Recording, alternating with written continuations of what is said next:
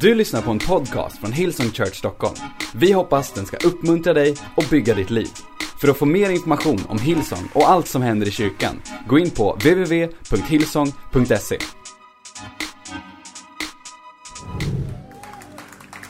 All right, all right, all right. Well, det är söndag, det är mitt i sommaren.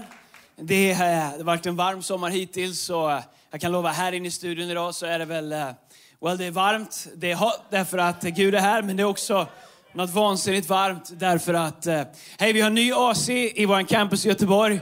Kanske näst på tur är, är här i norra. För det är varmt här idag, men jag har med min preaching-handduk, vilket eh, gör att vi kan göra om det här till ett old school tent revival eh, med lite svett eh, och evangelium. Svett och evangelium, det gör ett bra sommarmöte i Jesu namn. Amen. All right. Well, vi är mitt inne i Jesus July. Eh, hela juli så fokuserar vi på Jesus, vad Jesus gjorde, vad han vill göra i oss, vad han vill göra genom oss. Berättelser i människors liv. Och varje söndag så predikar vi en av berättelserna om Jesus, någonting från Jesu liv. Så också idag. Om du vill ha en titel på dagens predikan så kan du välja en, vilken du vill. Om du inte kan komma på någon så har jag ett förslag. Eh, dagens predikan heter En plats i hörnet. En plats i hörnet. Jag vet inte hur du är när du går på restaurang eller när du är på liksom offentliga ställen. En sak som var jobbigt när jag och Lina började dejta, det var att eh, jag gillar att sitta med ryggen mot väggen. Det är bara en gammal vana. Jag, vill inte, jag tycker det är otroligt jobbigt att sitta med ryggen ut mot rummet, ut mot restaurangen och inte ha någon koll på vad som händer bakom. Och I början när vi gick på dejt, om Lina liksom satte sig snabbt, jag försökte dra ut stolen, gjorde allt du vet så för att om det var en soffa mot väggen och så en stol där. Du vet, jag stod och höll ut stolen och hon tänkte vilken gentleman han är. När det egentligen bara handlar om att jag vill sitta med ryggen mot väggen. Hej, jag har fortsatt dra ut stolen efter henne. Det får man fortfarande göra. 2021 grabbar, det är helt okej. Okay. Uh, men ett drömscenario är ju att inte bara ha ryggen mot väggen utan även få ett hörn. Då har man den ultimata kollen på vad som händer i rummet. Jag ska predika om ett hörn idag. Det har jag aldrig gjort innan. Men det finns en berättelse från Markus evangelium. Om du är ny här, uh, som är med oss, som inte har läst Bibeln så mycket, så är det kanon. Det är en väldigt enkel predikan idag. Markus evangelium är Nya Testamentet, den andra boken. Vi börjar i mitten och bläddrar framåt lite grann. Där står det så här i Marks evangelium kapitel 2, vers 1. Några dagar senare kom Jesus tillbaks till Kapernaum. Här står det Kapernaum. När jag växte upp så hette det Kapernaum. Jag vet inte. Välj själv. Och nyheten om att han kommit hem spred sig snabbt. Då samlades där så mycket folk att de inte ens fick plats utanför dörren. Och han förkunnade ordet för dem. Då kom fyra män till honom bärandes på en förlamad man. Men när de inte kunde tränga, tränga sig genom folkmassan och komma fram till Jesus gjorde de ett hål i taket ovanför honom. Du vet, det läser vi bara som att det är något som sker varje dag. Vi kommer tillbaka till det. Genom öppningen firade de sedan ner bädden med den förlamade. När Jesus såg deras tro sa han till den förlamade, min son, dina synder är förlåtna. Men några skriftlärda, finns alltid några skriftlärda. I varje, I varje sammanhang där Jesus gör någonting och i varje Facebook-post så finns det alltid några skriftlärda. Och de tänkte i sina hjärtan, hur kan han tala på det viset och häda? Vem utom Gud kan förlåta synder? Men Jesus förstod i sin ande vad de tänkte och frågade dem. Varför tänker ni sådana tankar i era hjärtan? Vilket är lättare att säga till den förlamade, dina synder är förlåtna, eller säga, res dig upp och gå, res dig upp, ta din bädd och gå. Men för att ni ska veta att Människosonen har makt att förlåta synder här på jorden, nu talar han till den förlamade, säger jag till dig, res dig upp, ta din bår och gå hem. Madrass står det i gamla, eh, gamla översättning, äldre översättning. Då steg mannen upp, tog sin bädd och gick ut mitt framför ögonen på de förbluffade människorna. Och man hyllade Gud och sa, aldrig förr har vi sett något sådant. Så det som händer är att Jesus, han har precis kommit hem till Kapernaum. När man läser med sig evangelierna så inser man att Jesus hade mycket att göra på kort tid. Han spenderar 30 år på att förbereda sig och tre år på att göra det han ska. Man brukar säga om frikyrkoungdomar ah, att eh, de är lika Jesus. De bor hemma till de är 30 om de gör något så är det ett mirakel. It's just a joke, all right? Men, men Jesus har spenderat 30 år på att förbereda sig för tre års uh, tjänst som Gud använder honom. Och när han uppenbarar sig som Messias, som Guds son, som Människosonen. Trots att han har tre år oerhört mycket att göra. Så kommer han från en av sina ministry trips där han har varit hem till Kapernaum och tänker äntligen får jag koppla av lite grann. Äntligen får jag relaxa lite grann. Det är EM-tider, Jesus kanske satt där och tänkte nu ska jag kolla på EM-finalen. Lugnt, ingen här. Du vet vilken dröm det är att få kolla på en match själv. Eller med bra kompisar. Ibland själv, ibland med kompisar. Det beror på om de begriper fotboll eller inte. Erik Liljeroth, hopplös att kolla på sport med.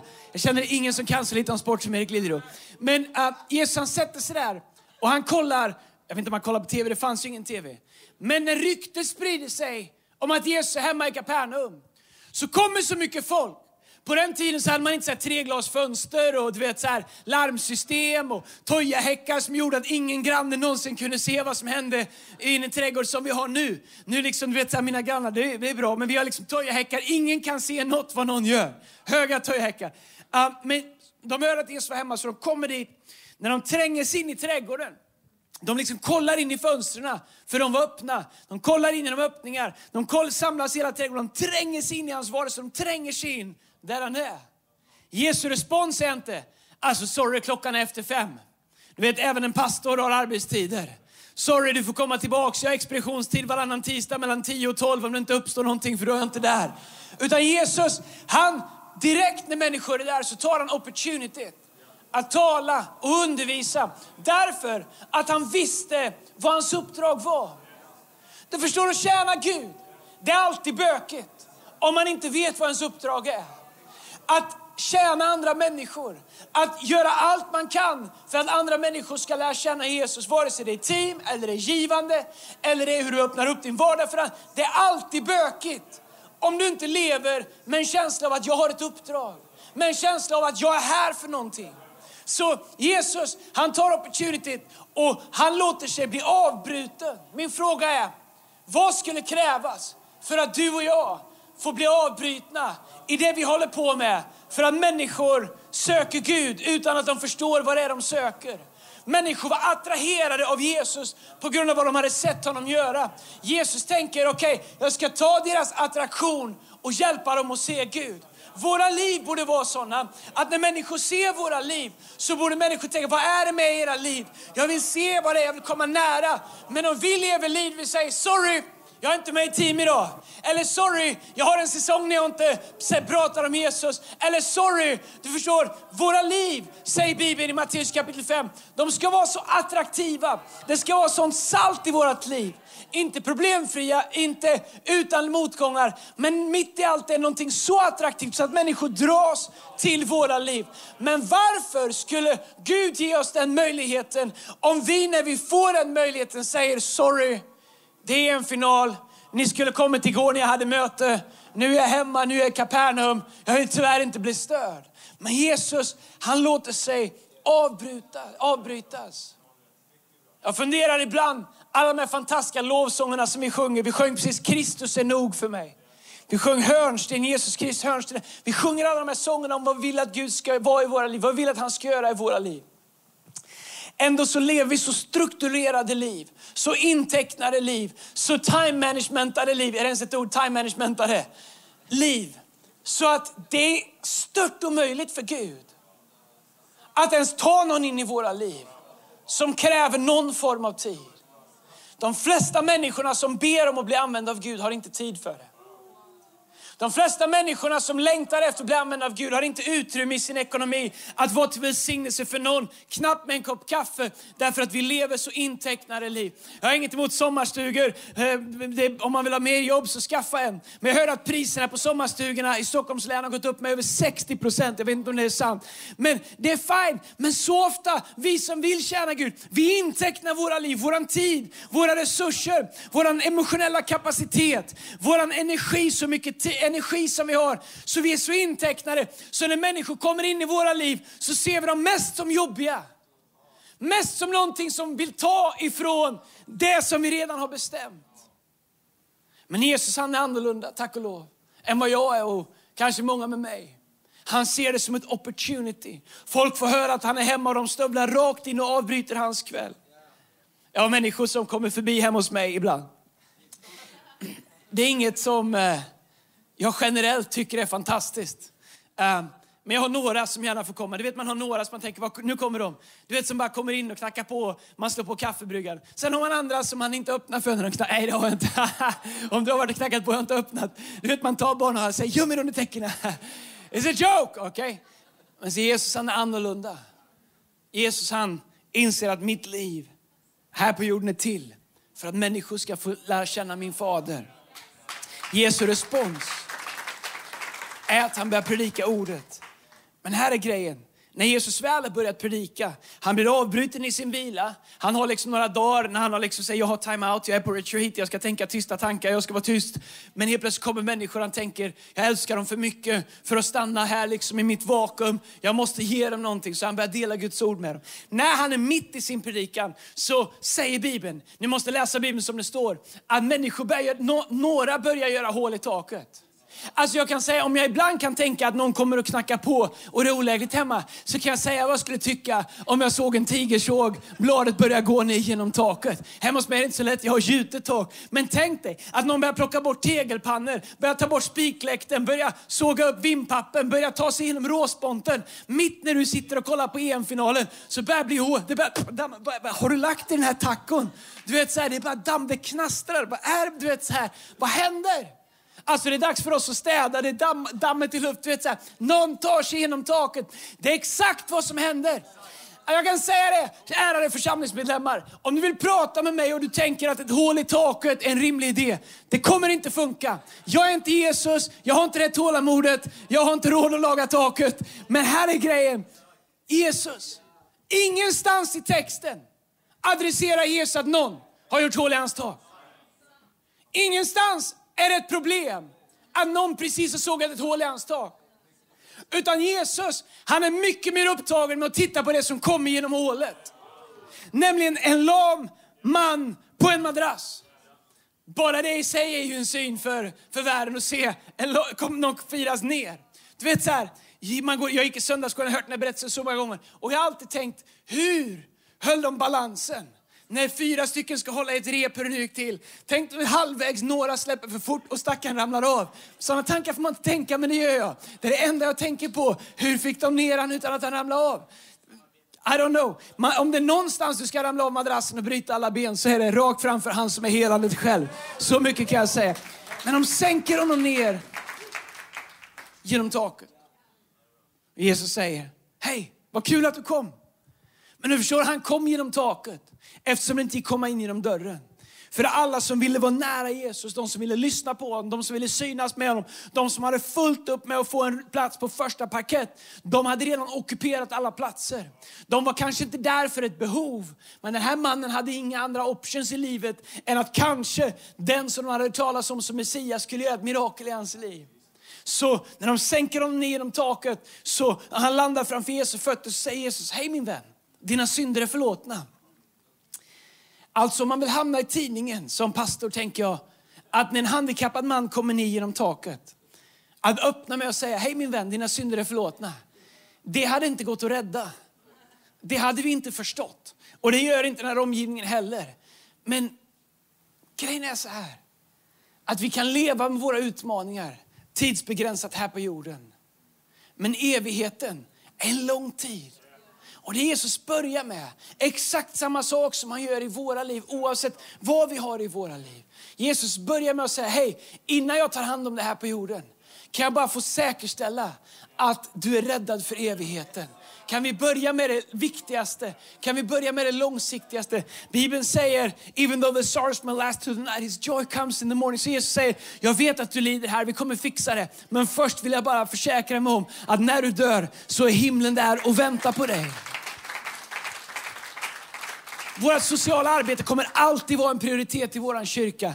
Men vet du vad? Människors evighet är ännu viktigare. Det är inte antingen eller, det är både och. Men evigheten, syndernas förlåtelse, frid med Gud, en rättfärdighet i Kristus är alltid viktigare. Men människor runt omkring blir provocerade och säger, vem är han som förlåter synder? Vem tror att han är han som förlåter synder? Alltså människor som kom för att lyssna på honom tyckte det var bra så länge han pratade om himmelriket, så länge han pratade om sin far, så länge han pratade om och drog liknelser. Men när, de förlät, när han förlät en mans synder så vände sig crowden direkt emot honom. Så det är som en crowd. Ena dagen så ropar de Hosianna, nästa dag så ropar de korsfäst. Men Jesus han har aldrig brytt sig om popularitet hos människor. Eller hos de som söker parkett framför det han gör. Han bryr sig alltid om människan. Och den som alla andra människor struntar i, när de trängdes in hos Jesus, gav Jesus mest uppmärksamhet till. På samma sätt som man gör i ditt och mitt liv. Du kan känna dig mest bortglömd. Du kan känna dig som alla andra. Du kan se den här raden och tänka, vilka är ens de här fina människorna? Det är, de, de flest, vilka är de som får sitta här? Hur har de ens hittat dem? Varför är de så lyckliga? Du vet så här, men du, de, de har samma problem som vi andra har. Jag har samma problem. Men du förstår, Jesus, han hittar dig där du än är. Och du kan känna dig som den mest bortglömda, mest isolerade. När alla andra pratar om att gå till kyrkan så är det ett så stort steg för att ens komma dit. Och du tänker, hur ska Gud hitta mig? Men lyssna, Gud, han hittar dig. Gud han bryr sig om dig. Det jag älskar med den här texten, det jag älskar med den här berättelsen, det är att Jesus, han säger okej okay, om ni tycker att det är svårt att förstå att jag kan förlåta honom hans synder, kolla på det här då. Ta din bädd, ställ dig upp, ta din bädd, rulla upp den och gå hem. Mannen rullar upp sin bädd och går hem och går därifrån. Människorna helt plötsligt, när de ser det med ögonen, börjar prisa Gud. Men vet du vad som är den riktiga storyn för mig i den här berättelsen? Det är att det står att när ryktet gick, det står när, där, när, när, när, när man fick höra att han var hemma, Jesus, samlades så många att de inte ens fick plats utanför dörren. Inte ens utanför fick de plats. Människor hör, Jesus är hemma. Jesus är Kapernaum, Jesus är här. Människor rusar dit. Alla vill ha en första parkett. Äh, att vet, så här, en gång så var jag på ett möte och mitt i predikan så kommer en, en känd människa eh, som inte var känd i det sammanhanget, som var känd i sin eget sammanhang. Kommer släpandet med två resväskor rakt ner i mittgången och let, tänker att det finns väl plats till mig på första raden. Ingen visste vem han eller hon var, jag säger inte vilket det var. Men det bara var awkward när man lever i ett tankesätt att det finns väl alltid en plats åt mig längst fram. Det är väl självklart att jag ska sitta längst fram. Så medan alla människor som hör att Jesus är där trängs och tävlar för att synas nära Jesus, vara nära Jesus, sitta längst fram så är det fyra män. När alla springer mot Jesus, mot hans hus, så är det fyra män som springer rakt därifrån. Som inte trängs med crowden för att få vara närmast Jesus, utan som trängs mot crowden. Därför att deras tanke är om Jesus är här, då måste vi först hämta våran vän som inte har en chans att komma dit. Om Jesus är här, då är det inte det viktigaste för mig att få en plats längst fram. Då är det det viktigaste för mig att gå och hämta min vän. Du vet, det är vad riktiga vänner är. Som tänker, jag ska inte slåss med crowden för att synas längst fram. Jag ska slåss med crowden för att ta mig i motströms mot den för att hämta en person som inte har en chans. Du förstår, det är det som är vårt uppdrag. Och så är det fyra män som tar tag i varsitt hörn på en madrass och bär honom dit. Vi vet inte vad de heter, vi vet inte vilka de är. Vi vet inte var de kom ifrån, vi vet inte vad de gjorde efter. Men de finns med i Bibeln därför att de tyckte att det är viktigare för mig att hålla i ett hörn. Det är viktigare för mig med en plats i hörnet än vad det är med en plats på första raden. Och när de kommer till huset och inser att vi har inte en chans att få vår vän som vi älskar så mycket fram till Jesus, därför att det är fullt till och med utanför dörren. Så låter de sig inte nedslås. Det är någonting när evangelium verkligen får tag i oss. När vi är beredda att göra det som krävs för att våra vänner ska komma i närheten av Jesus. När vår egen bekvämlighet får stå åt sidan. Vad skulle människor i vår omgivning kunna få för möten med Gud. Om vi var beredda att avse oss lite mer bekvämlighet. Ibland betala ett lite högre pris. Ibland göra rum i våra fulltecknade agender. I våra intecknade liv. För Gud har ingenting emot något av det. Men Gud vill inte att något av det ska stå i vägen för att människor som behöver bli burna på en madrass till frälsaren, till mästaren, ska kunna få komma dit. Så tar de med sig mannen. De ringer inte liksom så här, jag vet det finns ett företag som heter Mälarlift, jag kan inget annat, men de ringer inte efter liksom ett liftföretag och hyr en lift och lyfter upp honom på taket i en sån här korg. Man kör med den där piper, så här varnings, i Sverige har vi varningsljud för allt. Men du vet så här, och så, så lyfter de upp honom och så sågar de, så ringer de efter någon som kommer, en håltagarfirma som tar och, nej de släpar upp madrassen på taket. De gör ett hål i taket. Jag tror inte att det var ett stort gjutet tak för att det hade tagit en stund. Men de gör ett hål i taket och de sänker ner honom fyra män i varsitt hörn gör att en man den dagen får sin synd förlåten och sina ben helade så att han kan gå igen. Jag tänker när jag läser det här. Det måste varit fantastiskt och hunnit först när ryktet gick att Jesus var hemma. Fått den bästa platsen. Men vet du vilka det var som stod närmast Jesus? Vi vet vilka som stod närmast Jesus eftersom det var de som konverserade med Jesus.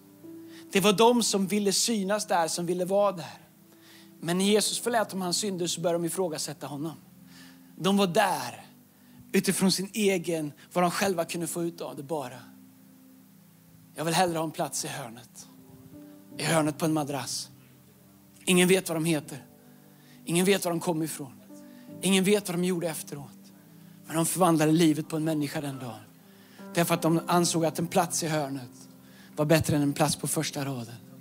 De ansåg att en plats i hörnet var bättre än att få stå och säga sin åsikt inför mästaren. Men vänt kristendom, evangelium, handlar inte så mycket om att göra sin röst hörd. Det finns tid för det.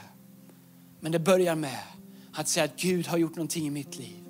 Resten av mitt liv så är min plats i hörnet på någons madrass som behöver komma till Jesus. Och alla som vi bär till Jesus, vare sig det är på madrasser fullt ut eller om det är på bildligt talade madrasser. När vi bär dem i våra hjärtan, när vi bär dem med vår generositet, när vi bär dem för att de får plats i våra liv, när vi bär dem dit för att vi hämtar dem i våran bil, när vi bär dem för att vi anmäler dem till ett mikromöte och tar med dem dit. När vi bär människor på livets olika madrasser till Jesus så gör Jesus det Jesus gör bäst. Han ser dem, han förlåter dem, han upprättar dem, han ger dem liv och han gör inför andra människor. Och de som människor kritiserade, de har Jesus en extra förkärlek till. Hej Hillsong Church, om du undrar vilken typ av kyrka vi är.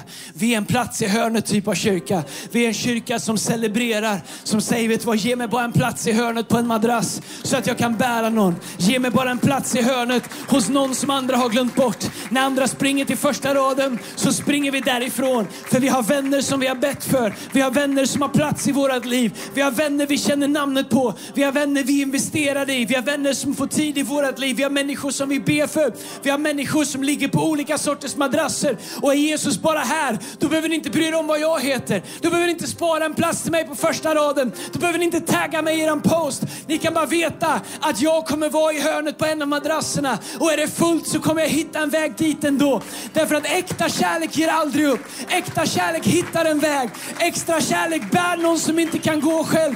Det är det som Jesus längtar efter. Och min dröm när vi får öppna upp våra campusar ännu mer. Våran dröm när vi kan breda ut Guds rike på ett sätt som vi aldrig, och jag lovar dig, den här hösten, absolut att vi ska bygga upp det. Men gör dig redo för ett move of God. Därför att jag vet att varje gång som fienden har lyckats med någonting så kommer Gud alltid respondera med ett move of God. Och jag ser fram emot den här hösten, jag ser fram emot vad Gud ska göra. Men jag lovar dig en sak, Gud kommer leta efter sig, var är mina madrassbärare? Vilka har jag som är nöjda med en plats i hörnet? Vilka har jag som säger, hej bry dig inte om vad jag heter, låt mig bara få hålla i ett hörn. Därför att jag har en vän som jag har burit i flera år. Jag har en make, jag har ett barn, jag har en familjemedlem, jag har en arbetskompis, jag har whatever vad det än är. Hillsong Church, låt oss ta plats i hörnet. En plats i hörnet.